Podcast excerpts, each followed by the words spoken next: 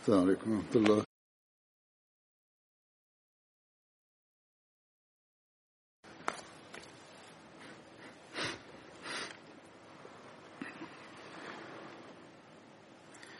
أشهد أن لا إله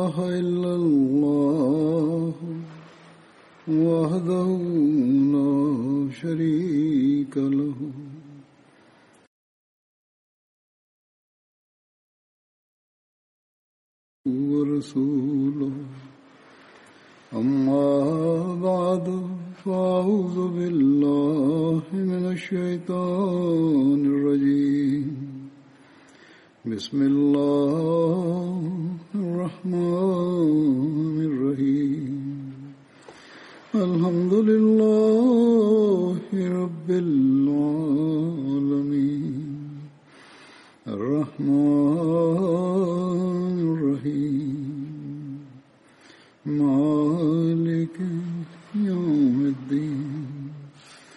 إياك نعبد وإياك نستعين.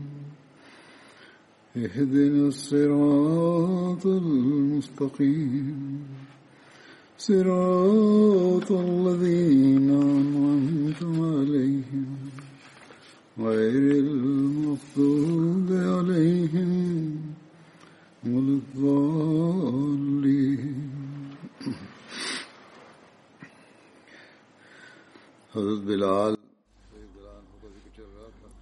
Riwayat berkenaan dengan Hadrat Bilal telah disampaikan pada Jumat yang lalu.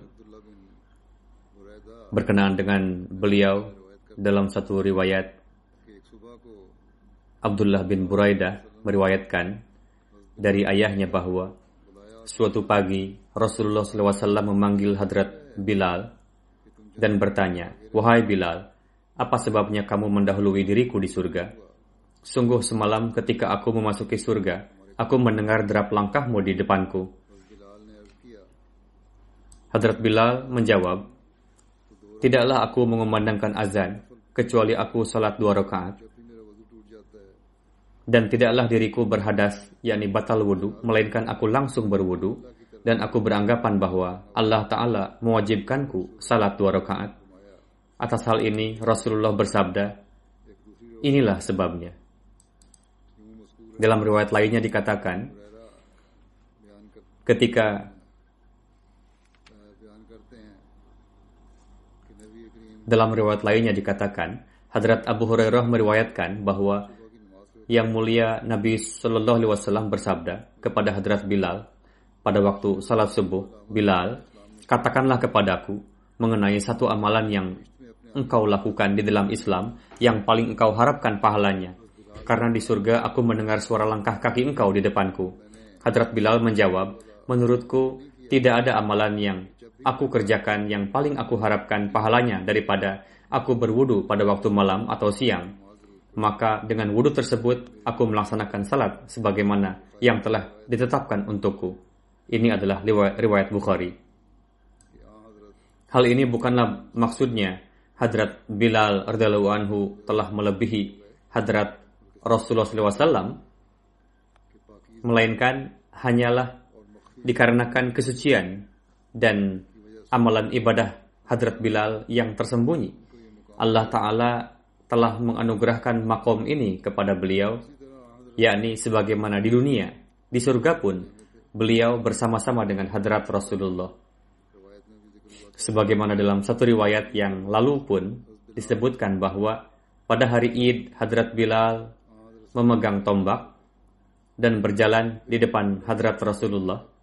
Kemudian tombak ditancapkan di arah kiblat dan Hadrat Rasulullah memimpin salat Id di sana.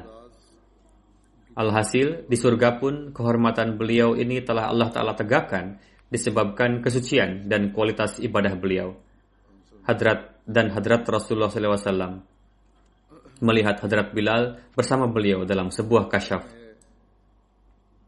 Dalam satu riwayat dikatakan bahwa Rasulullah SAW bersabda, ketika aku dibawa ke surga pada malam hari, aku mendengar suara derap langkah kaki. Aku bertanya, wahai Jibril, langkah kaki siapa ini?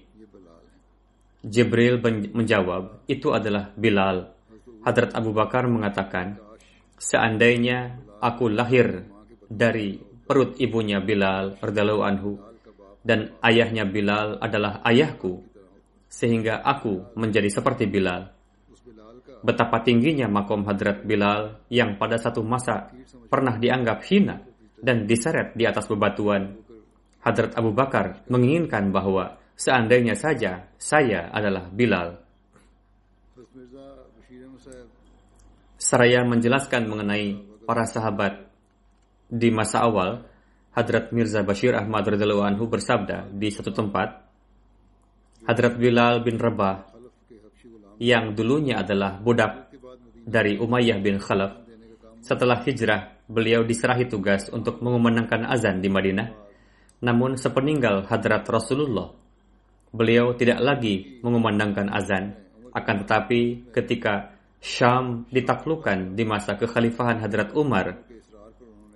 Pada suatu kali atas permintaan Hadrat Umar, beliau yakni Hadrat Bilal kembali mengumandangkan azan yang karena azan beliau ini semua orang menjadi ingat dengan masa Hadrat Rasulullah SAW, Hadrat Bilal sendiri dan Hadrat Umar beserta para sahabat lainnya yang ada pada waktu itu menangis terseduh-seduh.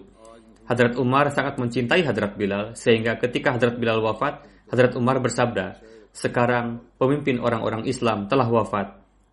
Ini adalah perkataan dari raja di masa itu mengenai seorang budak Habsyi yang asing. Pada satu kesempatan, Hadrat Khalifatul Masih Al-Thani anhu berbicara ditujukan kepada para wanita Ahmadi. Beliau mengutip ayat Al-Qur'an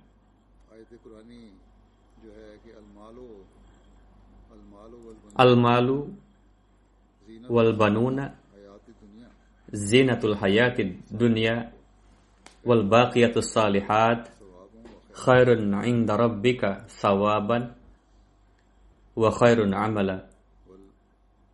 Al malu wal banuna zinatul hayatid dunya wal baqiyatus salihat khairun 'inda rabbika sawaban wa khairun 'amala.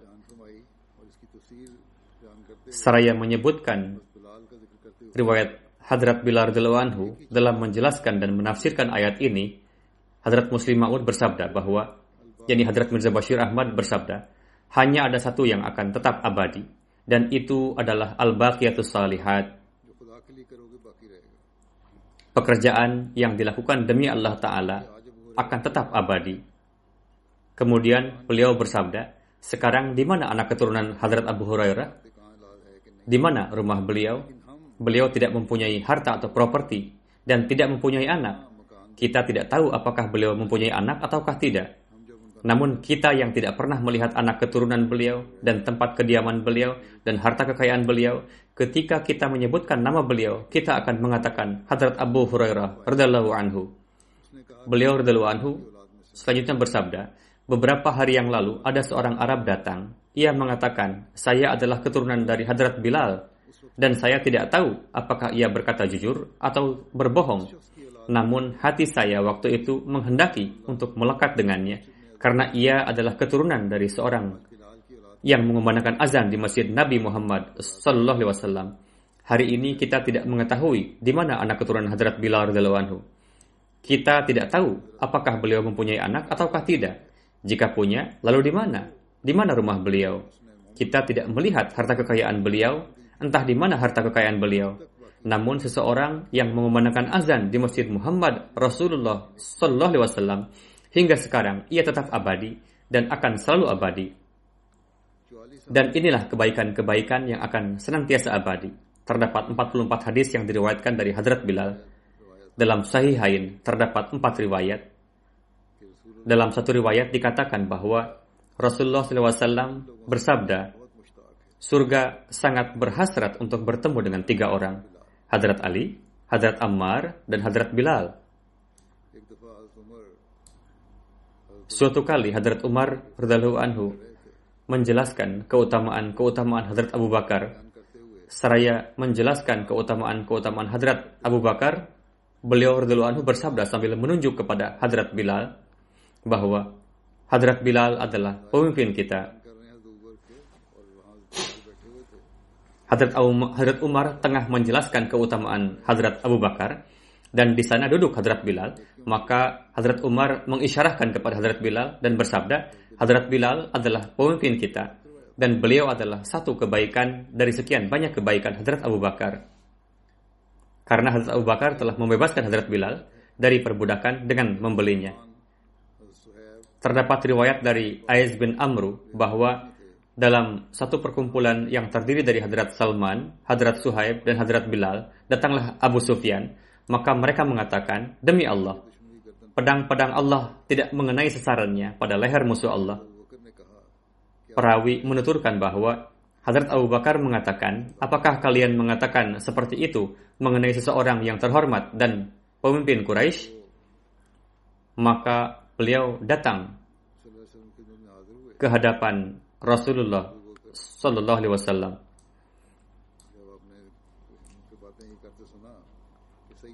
Ketika Hadrat Abu Bakar mendengar mereka berbicara bahwa mereka tidak menuntut balas dengan cara yang tepat terhadap Abu Sufyan, maka Hadrat Abu Bakar tidak menyukai hal ini dan bersabda bahwa apakah pantas kalian mengatakan perkataan seperti itu mengenai seorang pemimpin Quraisy?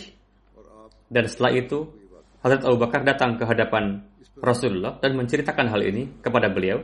Atas hal ini, Hadrat Rasulullah bersabda, Wahai Abu Bakar, mungkin engkau marah terhadap mereka. Jika engkau marah terhadap mereka, maka sungguh engkau marah kepada Tuhan engkau. Mendengar hal ini, Hadrat Abu Bakar mendatangi mereka dan mengatakan, Wahai saudara saudara ku tercinta, aku telah marah kepada kalian. Hadrat Abu Bakar telah datang untuk mengadukan hal ini supaya Hadrat Rasulullah mencegah mereka dari mengatakan hal ini. Namun kebalikannya Hadrat Rasulullah bersabda, engkau telah mem- membuat marah mereka. Dan lihatlah sosok Hadrat Abu Bakar, betapa makom beliau. Beliau langsung kembali kepada para sahabat itu dan merupakan orang-orang yang miskin, yang merupakan orang-orang yang miskin, dan mengatakan kepada mereka bahwa, Wahai saudara-saudaraku tercinta, aku telah membuat kalian marah. Mereka mengatakan, tidak, tidak. Wahai saudaraku, semoga Allah memberikan ampunannya kepada Anda, karena tidak ada hal seperti itu. Anda tidak marah dengan kami.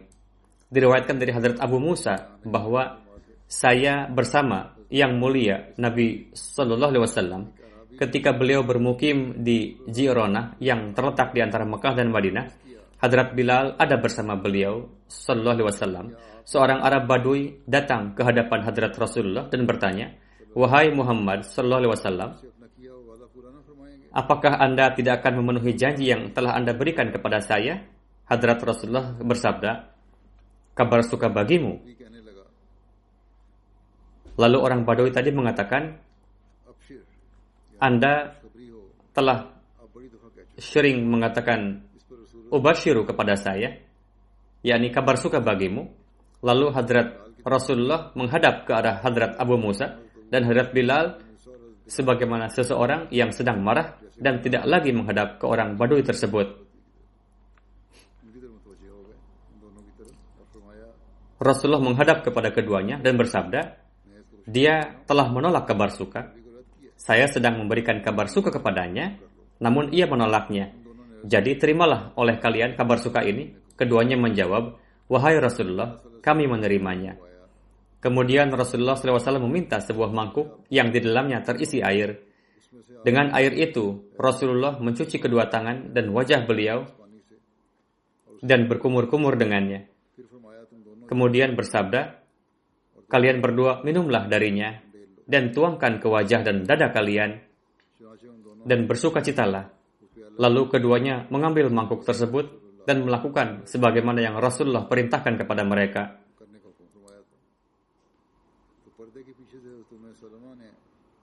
Kemudian Hadrat Ummi Salma memanggil mereka dari balik parda bahwa sisakanlah sedikit dari apa yang ada dalam mangkuk kalian untuk ibu kalian, yakni sisakanlah juga untuk Hadrat Ummu Salma, Ummul Mukminin. Lalu keduanya menyisakan sedikit darinya untuk beliau. Hadrat Ali bin Abu Talib meriwayatkan bahwa yang mulia Nabi Sallallahu Alaihi Wasallam bersabda, Allah Taala menganugerahkan tujuh nakib kepada setiap nabi dan kepadaku dianugerahkan 14 nakib. Kami bertanya, siapakah mereka? Hadrat Ali menjawab, aku, kedua putraku, Hadrat Jafar, Radhalu Anhu, Hadrat Hamzah, Hadrat Abu Bakar, Hadrat Umar, Hadrat Mus'ab bin Umair, Hadrat Bilal, Hadrat Salman, Hadrat Mikdad, Hadrat Abu Zar, Hadrat Ammar, dan Hadrat, Hadrat Abdullah bin Masud. Diriwayatkan oleh Hadrat Zaid bin Arqam anhu bahwa Rasulullah SAW bersabda, Bilal adalah seseorang yang sangat saleh. Beliau adalah pemimpin dari para muazzin dan tidaklah mengikutinya kecuali para muazzin. Dan pada hari kiamat, orang-orang yang paling panjang lehernya adalah para muazzin. Diriwayatkan oleh Hadrat Zaid bin Arqam bahwa Rasulullah SAW bersabda, Bilal adalah seorang yang sangat saleh. Beliau adalah pemimpin dari para syuhada dan muazzin. Dan pada hari kiamat, orang yang paling panjang lehernya adalah Hadrat Bilal, yakni beliau akan mendapatkan makom yang sangat terhormat. Terdapat dalam satu riwayat bahwa Rasulullah SAW bersabda, kepada Bilal akan diberikan salah satu dari unta-unta betina surga dan ia akan menungganginya. Dari istri Hadrat Bilal radhiyallahu anhu meriwayatkan bahwa Hadrat Rasulullah datang kepada saya dan mengucapkan salam. Beliau Rasulullah SAW bertanya, apakah Bilal ada di sini? Saya menjawab, tidak ada. Hadrat Rasulullah bersabda, nampaknya kamu marah kepada Hadrat Bilal. Saya mengatakan, beliau mencintai saya dan mengenai setiap hal beliau selalu mengatakan bahwa hal ini disampaikan oleh Rasulullah SAW dan hal itu disampaikan oleh Rasulullah SAW. Maka Rasulullah SAW mengatakan kepada istri Hadrat Bilal bahwa apa yang disampaikan oleh Bilal dariku kepadamu sesungguhnya itu pasti benar dan Bilal tidak akan mengatakan hal yang keliru kepadamu. Jadi janganlah kamu marah kepada Bilal jika tidak maka tidak ada amalanmu yang akan diterima selama kamu marah kepada Bilal. Hadrat Abu Hurairah meriwayatkan bahwa Hadrat Rasulullah SAW bersabda, permisalan Bilal adalah seperti lebah madu yang menghisap sari-sari buah yang manis dan bunga yang pahit. Namun ketika menjadi madu, maka keseluruhannya menjadi manis.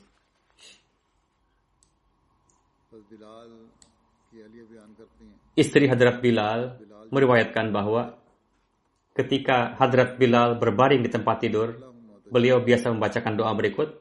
Allahumma tajawuz an sayyati wa akhrizni wa ahrizni wa ahzirni lati, Ya Allah, ampunilah kesalahan-kesalahanku dan maafkanlah kelemahan-kelemahanku. Diriwayatkan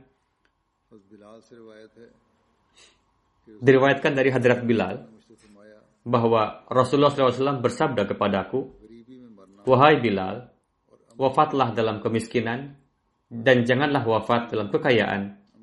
Saya bertanya, bagaimanakah caranya supaya saya meninggal dalam kemiskinan dan tidak meninggal dalam kekayaan? Saya tidak memahami hal ini. Maka Rasulullah SAW bersabda, Rezeki yang dianugerahkan kepadamu, janganlah engkau menyimpannya. Dan segala sesuatu yang diminta darimu, janganlah engkau menolaknya. Saya bertanya, Wahai Rasulullah, jika saya tidak bisa melakukan itu, maka apa yang akan terjadi? Rasulullah SAW bersabda, inilah yang harus dilakukan. Jika tidak, maka api akan menjadi tempat tinggal. Yakni, janganlah menghardik orang yang meminta dan janganlah hanya terus mengumpulkan atau belanjakanlah juga membelanjakan pun adalah penting. Hadrat Bilal wafat pada masa kekhalifahan Hadrat Umar pada 20 Hijriah di Damaskus, Syam. Sebagian berpendapat bahwa wafat bahwa beliau wafat di Halab. Pada waktu itu Hadrat Bilal berusia lebih dari 60 tahun. Sebagian orang berpendapat bahwa kewafatan Hadrat Bilal terjadi pada 18 Hijriah. Beliau dimakamkan di pekuburan Damaskus di dekat Babus Sagir. Hadrat Khalifatul Masih yang kedua, Radhalu Anhu, seraya menjelaskan martabat dan kedudukan Hadrat Bilal, beliau bersabda, dari kutipan ini, beberapa poin yang telah disampaikan sebelumnya, tetapi dikarenakan rangkaian tema yang disampaikan, mungkin akan terdapat satu dua poin yang sama seperti di awal-awal pembahasan. Hadrat Bilal adalah seorang Habsyi. Beliau tidak mengetahui bahasa Arab, dan ketika berbicara bahasa Arab, banyak kekeliruan. Misalnya orang Habsyah tidak bisa mengatakan shin. Oleh karena itu ketika Hadrat Bilal mengumandangkan azan, beliau mengucapkan kata as ashadu dengan pelafazan ashadu. Maka orang-orang Arab mentertawakan karena dalam diri mereka terdapat kebanggaan atas supremasi kaum mereka. Padahal mereka pun tidak bisa mengucapkan beberapa lafaz bahasa lain. Misalnya, mereka tidak bisa mengatakan roti. Mereka mengucapkan roti dengan huruf T, bukan huruf T. Dan mereka mengucapkan huruf curi dengan juri. Mereka tidak bisa mengucapkan C. Mereka mengucapkan J. Beliau radhiyallahu anhu bersabda, sebagaimana orang non-Arab tidak bisa mengucapkan beberapa lafaz bahasa Arab, demikian juga orang-orang Arab pun tidak bisa mengucapkan beberapa lafaz bahasa lain. Namun dikarenakan kebanggaan akan supremasi bangsa mereka telah membuat mereka tidak berpikir bahwa mereka pun tidak bisa mengucapkan beberapa lafaz bahasa lain. Ketika Rasulullah melihat orang-orang menertawakan ucapan Hadrat Bilal ashadu, Rasul bersabda, kalian menertawakan suara azan Bilal, padahal ketika dia azan, Allah Ta'ala merasa bahagia di arash, dan Allah Ta'ala lebih menyukai ashadu Bilal daripada ashhadunya kalian. Bilal berasal dari Ethiopia dan pada zaman itu orang bangsa Ethiopia biasanya dijadikan budak. Bahkan pada beberapa abad lalu, yakni abad yang tidak jauh dari kita, mereka masih dijadikan budak, begitupun sampai saat ini. Namun Rasulullah SAW tidaklah seperti orang-orang yang menganggap non-Arab sebagai hina dan rendah. Dalam pandangan Rasulullah, semua bangsa adalah sama-sama makhluk Tuhan. Beliau juga mencintai orang Yunani dan juga orang Habsyi sebagaimana kepada orang Arab tidak ada bedanya. Beliau Sallallahu Alaihi Wasallam pun mencintai orang Afrika sebagaimana kepada orang Arab dan juga orang Yunani. Inilah kecintaan yang telah menciptakan rasa cinta di dalam diri orang-orang non-Arab kepada Rasulullah. Namun masih banyak orang Arab yang tidak memahami hal itu. Disebabkan oleh kecintaan Rasulullah ini, timbul kecintaan dalam diri orang-orang non-Arab kepada Rasulullah. Namun bagi orang-orang yang tidak memiliki firasat dan pemahaman akan hal ini, tidak dapat memahami rahasia kesetiaan dan kecintaan ini. Bagaimana kecintaan ini dapat timbul? Rasulullah SAW terlahir di Mekah di kalangan bangsa Arab yakni berasal dari kabilah Quraisy yang notabene menganggap hina dan rendah kaum Arab lainnya.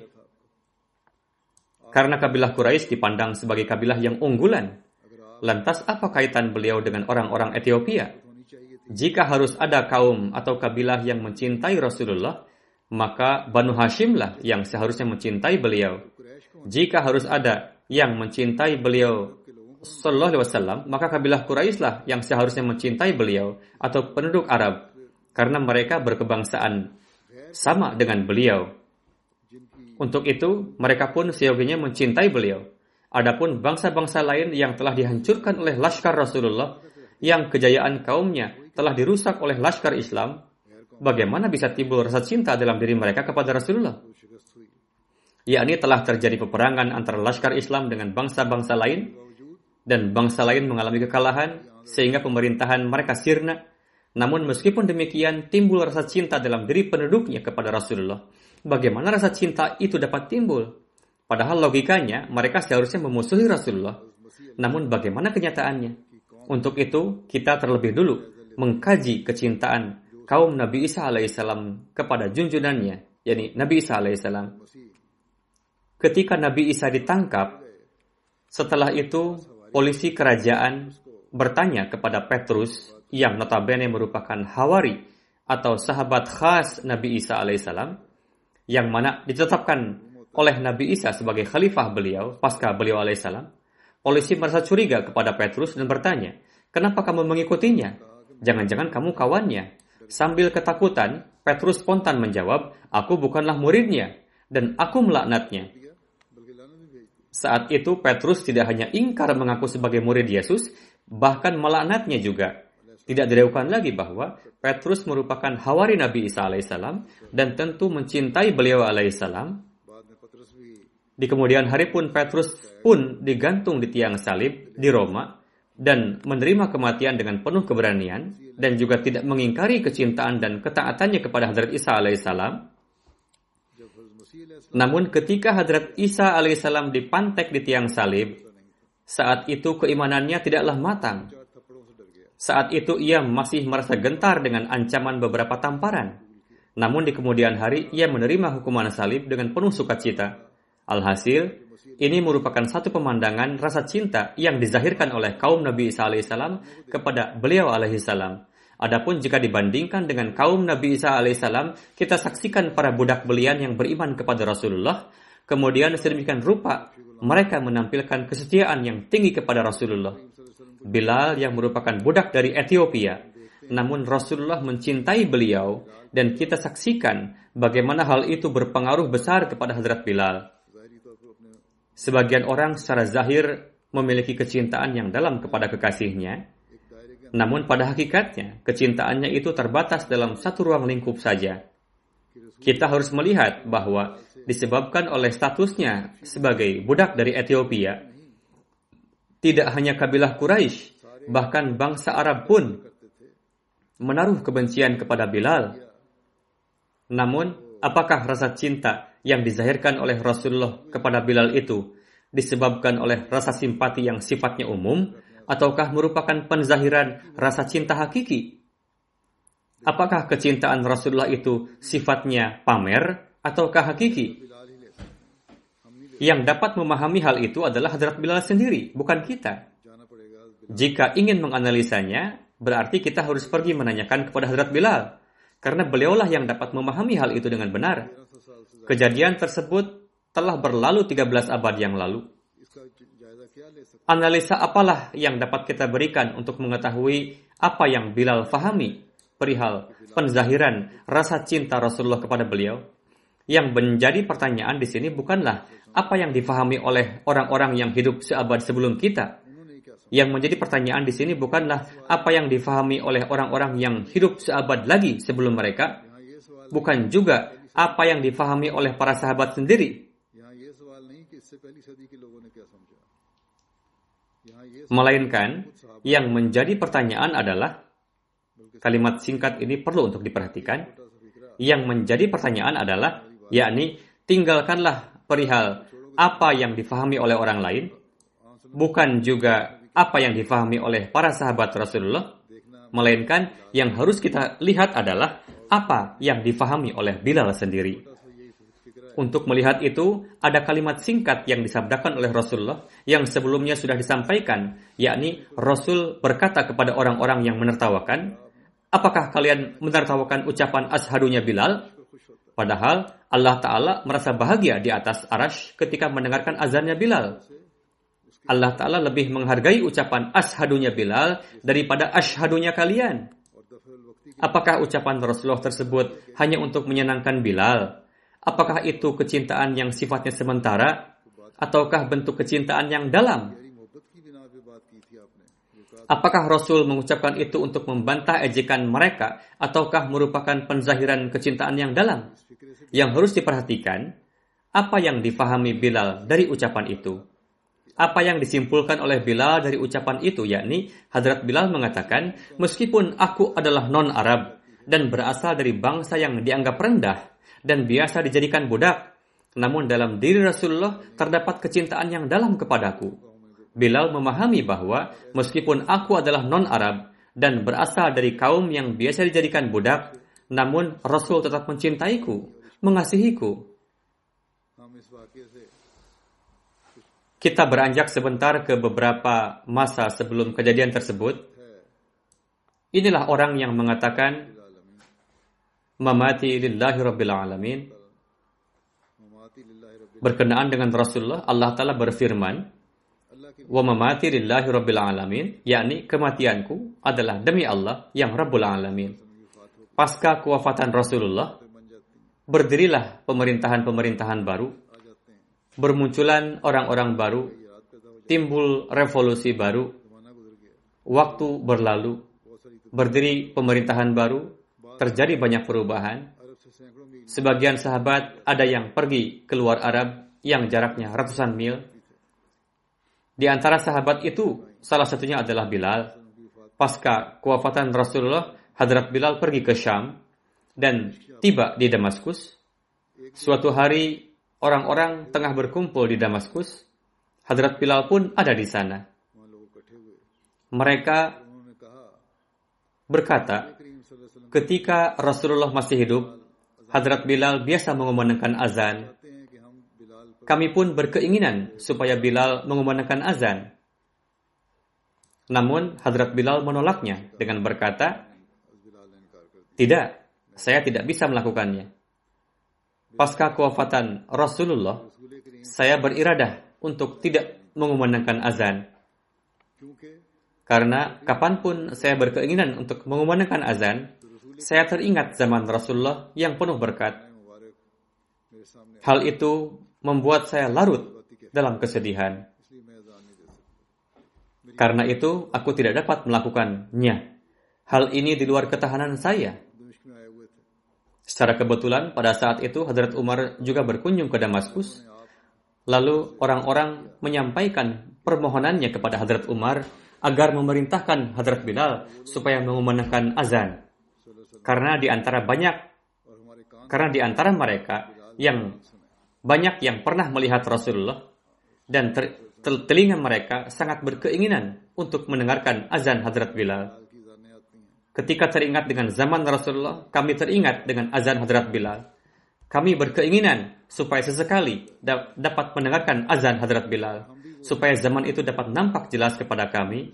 Di antara kami juga ada yang belum pernah melihat zaman Rasulullah, dan hanya mendengarkan sabda beliau saja. Saat itu, ada juga orang-orang yang berkeinginan untuk mendengarkan azan Bilal yang biasa didengarkan oleh Rasulullah dan disukai juga oleh beliau. Lalu Hazrat Umar memanggil Hazrat Bilal dan bersabda, Orang-orang berkeinginan untuk mendengar lantunan azan Anda. Hazrat Bilal berkata, Tuan adalah khalifah. Jika Tuan berkenan, saya akan kumandangkan azan. Namun perlu saya sampaikan bahwa hati saya tidak dapat tahan ketika azan. Lalu Hadrat Bilal berdiri dan mengumandangkan azan dengan suara lantang dengan gaya yang sama seperti yang biasa beliau lakukan pada zaman Rasulullah.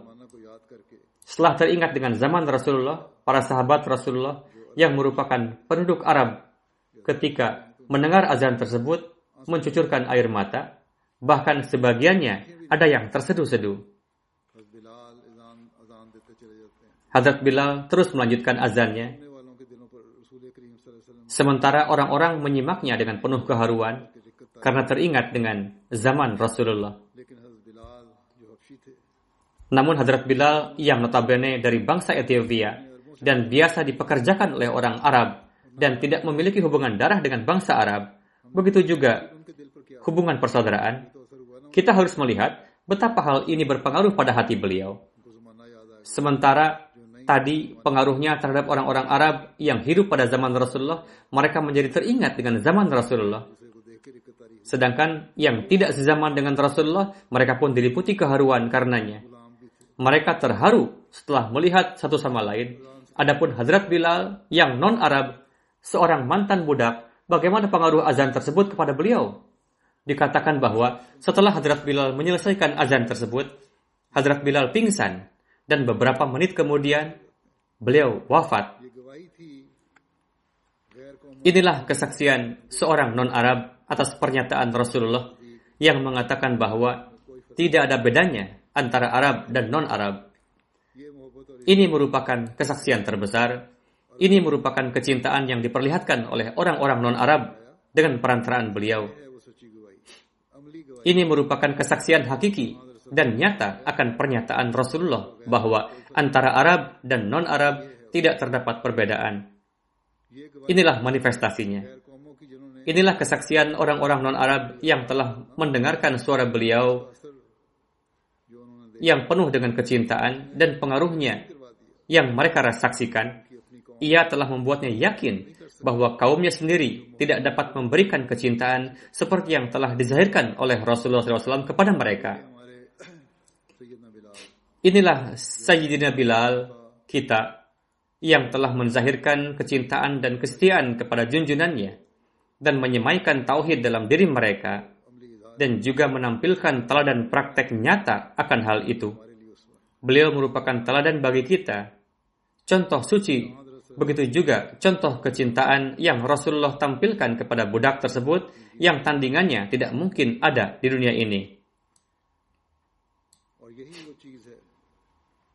Inilah hal yang dapat menciptakan suasana kecintaan dan kasih sayang pada masa ini, persaudaraan, dan dapat memutuskan rantai perbudakan.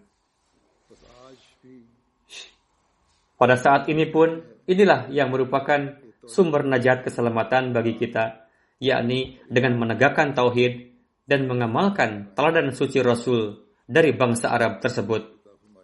Semoga Allah Ta'ala memberikan taufik kepada kita semua untuk dapat mengamalkannya berkenaan dengan Hadrat Bilal berakhir sampai di sini.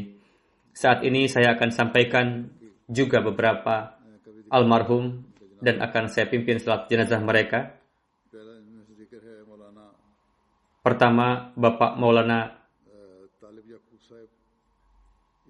Talib Yakub Sahib bin Tayyib Yakub Sahib Mubalik Trinidad dan Tobago.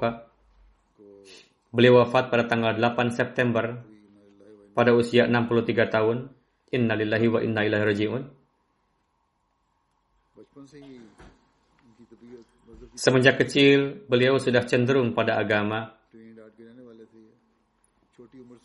Beliau dari Trinidad Sejak kecil beliau sangat cinta salat lima waktu, tilawat Al-Quran, dan menelaah buku-buku islami.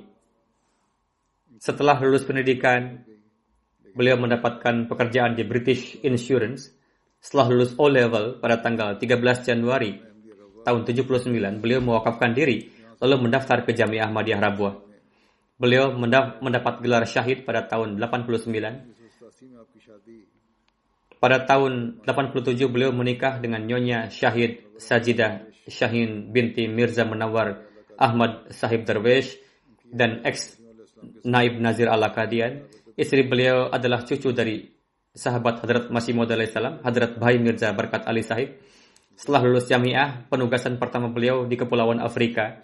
Beliau mendapat taufik berkhidmat di sana selama tiga tahun, dari tahun 89 sampai 92 Beliau juga mendapatkan kesempatan untuk berkhidmat sebagai mubalik di jemaat Giana dari tahun 93 sampai 97. Dari sana beliau ditugaskan ke Ghana di region Kohore 2 dan Kamasi.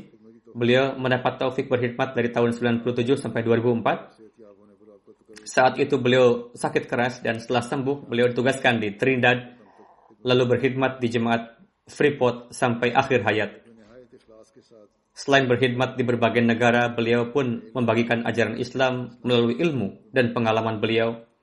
Beliau memiliki jalinan pribadi dengan setiap anggota jemaat. Ke mana pun beliau ditugaskan, beliau memiliki ikatan yang khas dengan para anggota jemaat. Anggota pun menaruh rasa cinta kepada beliau.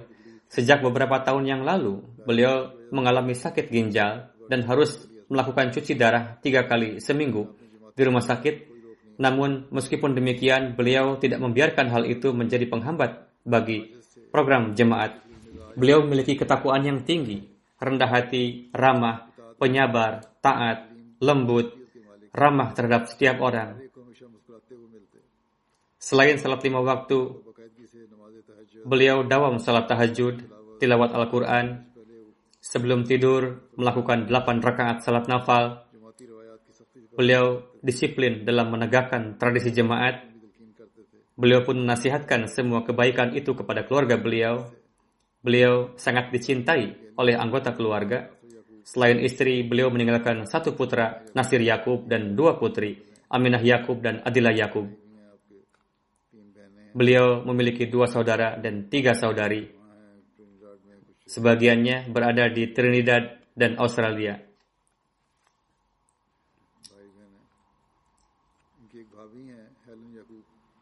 Kakak ipar beliau, Helen Yakub, menuturkan, saya bayat 30 tahun lalu. Maulana Sahib ketika datang ke Trinidad, setiap saat mengajarkan ilmu agama yang baru. Karena itulah timbul semangat dalam diri saya untuk mempelajari ilmu agama. Beliau sangat bahagia dengan itu dan disebabkan karena hal itu, dengan karunia Allah Ta'ala, putra saya, Tayyib Yakub, beriradah untuk menjadi mubalik. Dan saat ini beliau, yakni ia tengah belajar di tingkat 2 Jamiah Ahmadiyah Kanada. Ketika beliau sakit, ada seorang dokter wanita yang menuturkan bahwa almarhum memiliki akhlak yang baik. Setiap dokter dan perawat yang merawat beliau sangat terkesan dengan akhlak beliau. Jika rumah sakit mengalami kekurangan tempat dan ada pasien baru, almarhum sendiri berdiri dan memberikan tempatnya kepada orang lain. Beliau merupakan contoh bagi pasien, dokter, dan juga orang-orang Mubalik in charge Trinidad dan Tuego menulis, beliau memiliki keistimewaan dengan sifat-sifat seorang murabbi dan mubalik dalam corak yang hakiki. Beliau senantiasa terdepan dalam ketaatan kepada khilafat, patuh terhadap setiap perintah atasan, atau tugas apa pun yang ditugaskan kepada beliau. Beliau berusaha penuh untuk melaksanakannya.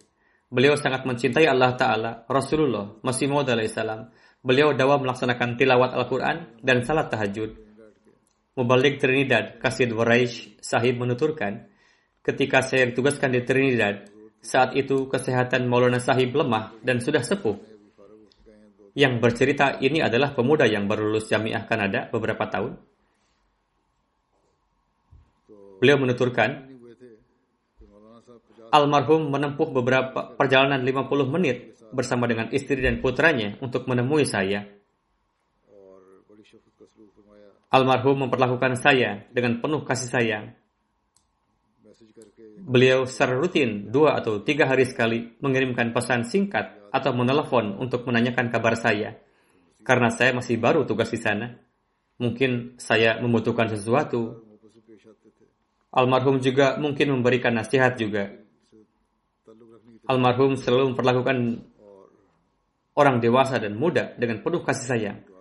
Beliau selalu menasihatkan untuk menjalin hubungan dengan khalifah dan juga menasihatkan untuk memohon doa kepada khalifah.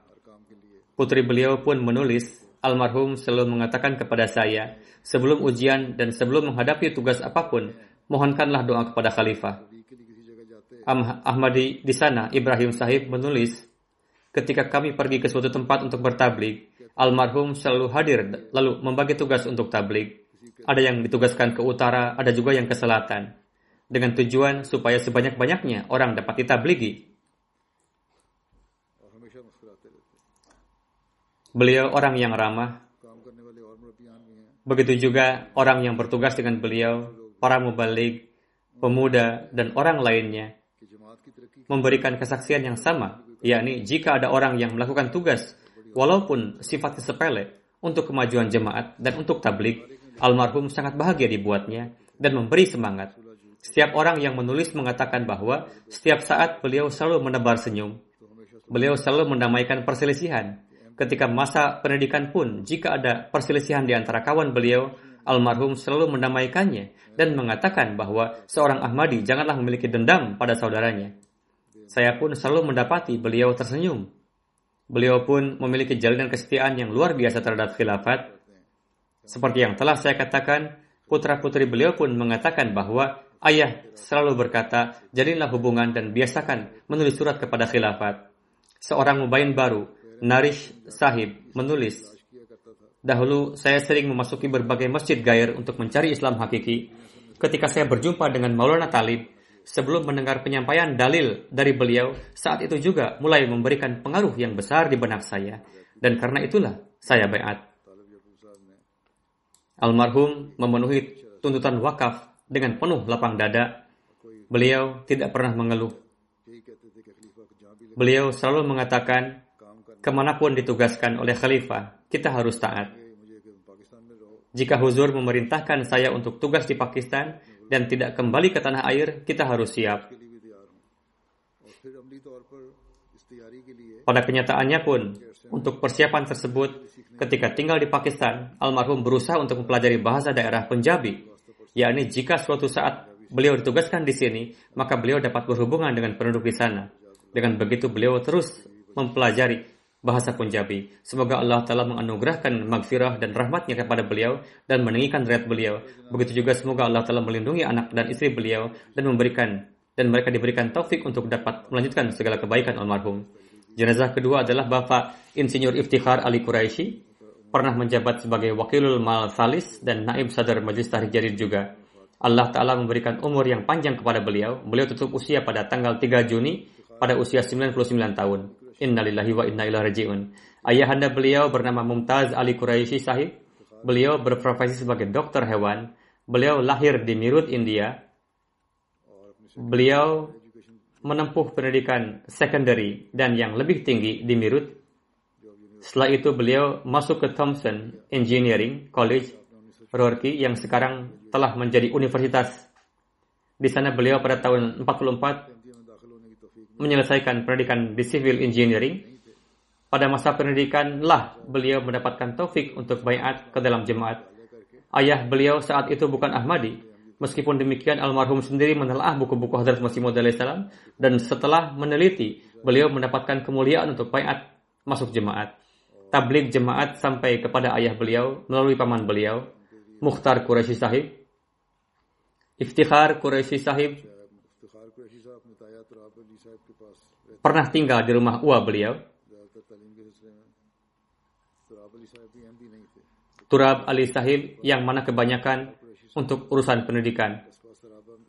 Saat itu Turab Ali Sahib belum menjadi Ahmadi, namun Iftikhar Ali Sahib Mukhtar Quraisy Sahib dan ayah beliau sering tinggal di rumah Uwa Iftikhar Ali Sahib di Sarabah Mirut.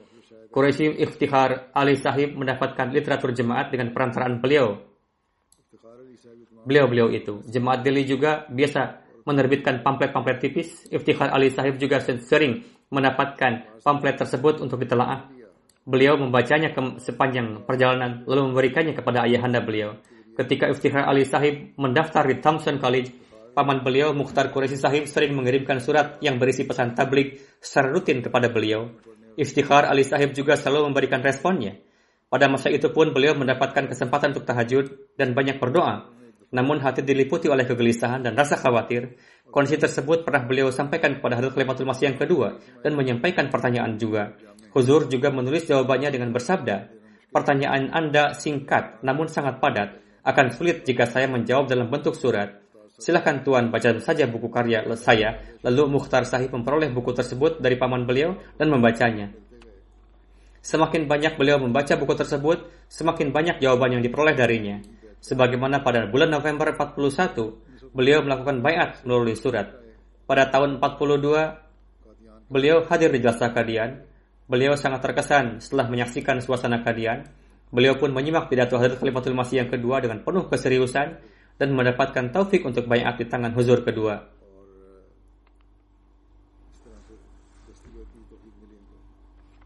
Beliau biasa menghadiri jalsa salah Kadian setiap tahun. Beliau pun mendapatkan kesempatan untuk mulakat dengan Hadrat Khalifatul Masih yang kedua. Menyampaikan pertanyaan yang ada di benak beliau kepada huzur, lalu mendapatkan jawabannya. Beliau kembali pulang dengan membawa keimanan dan keyakinan yang semakin mantap. Beliau mulai bekerja di kantor pemerintahan di India. Beliau terus bekerja di sana sampai berdirinya Pakistan pada tahun 51 Hijrah. Lalu bekerja di Pakistan di Departemen Pengairan. Ketika tugas dinas beliau mendapatkan tugas ke berbagai kota, beliau bekerja dengan penuh kejujuran. Dari sebelumnya junior engineer, akhirnya beliau semakin meningkat menjadi chief engineer. Bahkan pada suatu saat beliau diangkat sebagai sekretaris pemerintah Punjab untuk suatu masa.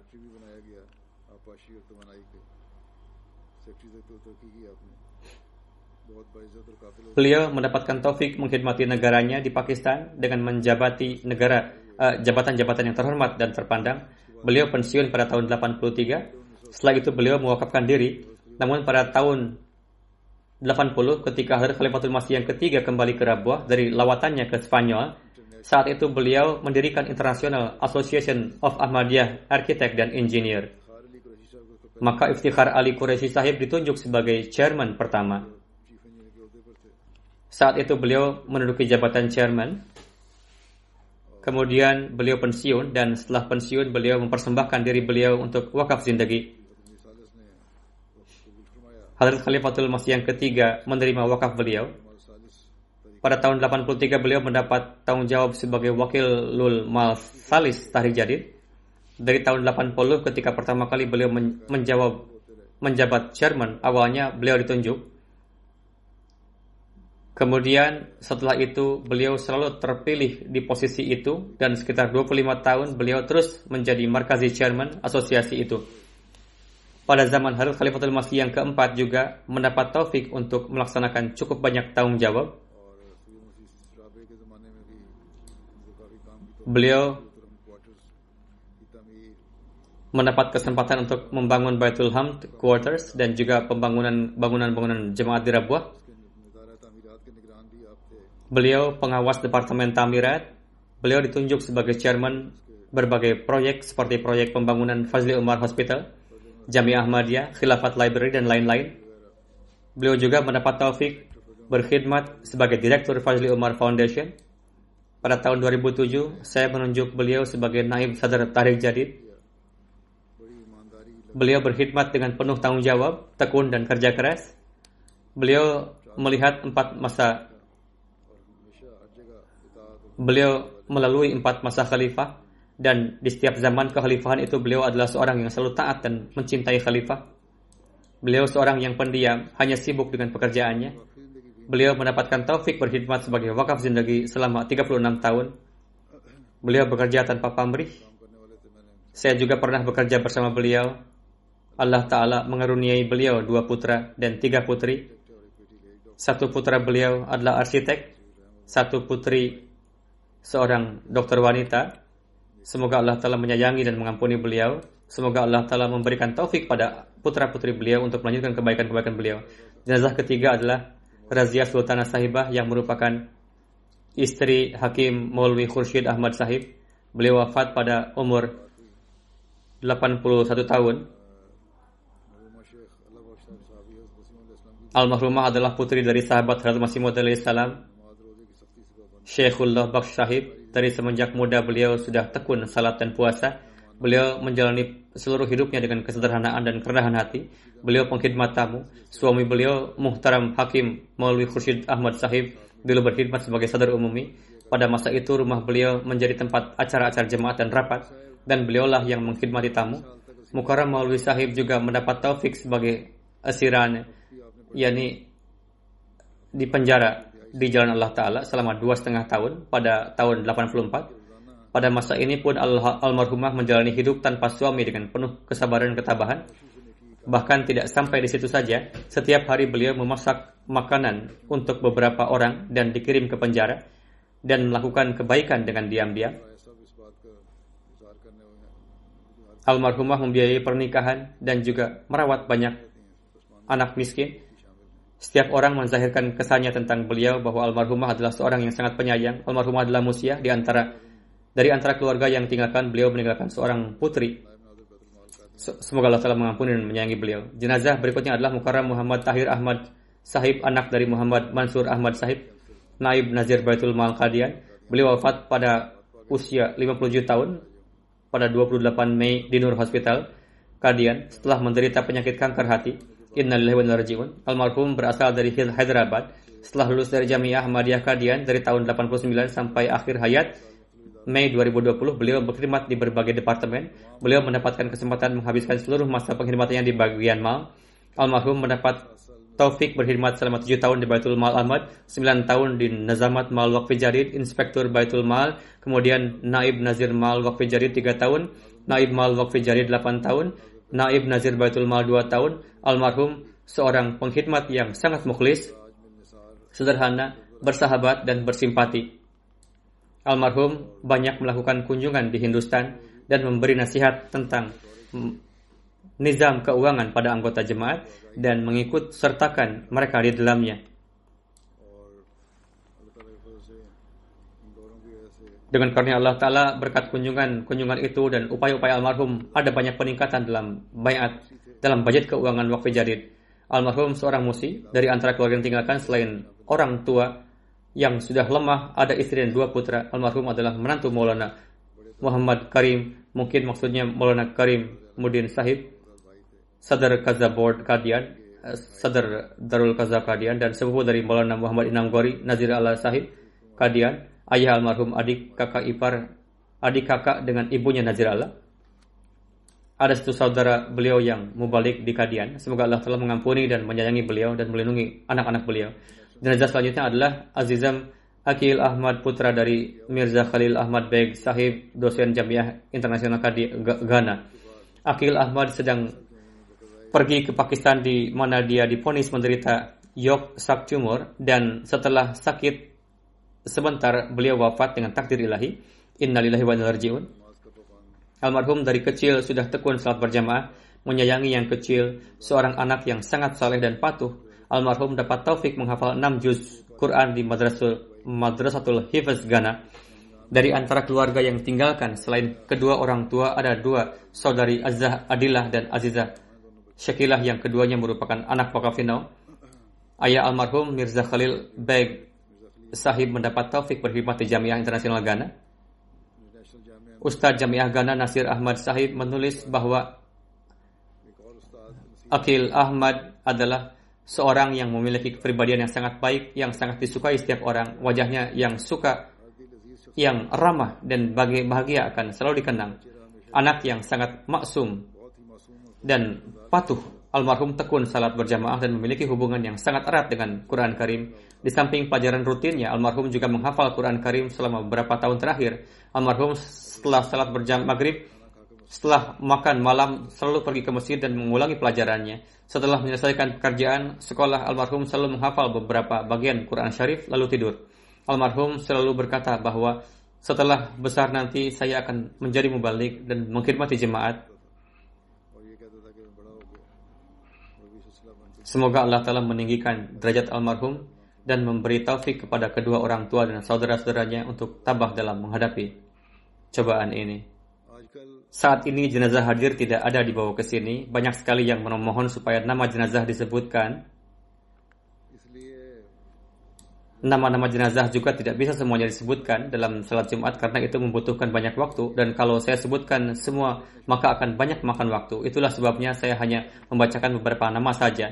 Pada umumnya banyak sekali permohonan yang masuk, tapi saya sampaikan tanpa menyebutkan semua nama mereka bahwa siapa pun jenazah yang saya salatkan di sini, mereka juga termasuk di dalamnya. Semoga Allah Ta'ala mengampuni dan menyayangi semua almarhum dan orang-orang yang menulis permohonan supaya jenazah keluarganya disalatkan. Semoga Allah Ta'ala memberi kesabaran dan ketabahan kepada seluruh keluarga yang ditinggalkan dan diberikan taufik untuk melanjutkan kebaikan-kebaikannya. Jadi saya akan melaksanakan jenazah gaib untuk semuanya. Insya Allah.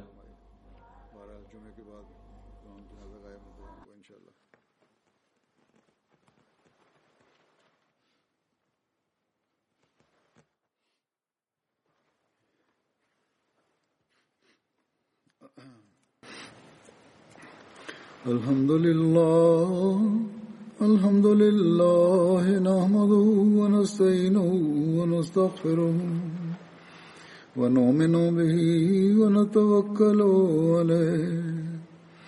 ونعوذ بالله من شرور أنفسنا ومن سيئات أعمالنا.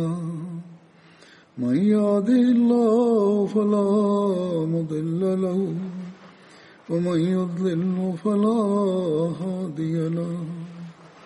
ونشهد أن لا إله إلا الله. ونشهد أن محمدا عبده ورسوله. عباد الله رحمكم الله.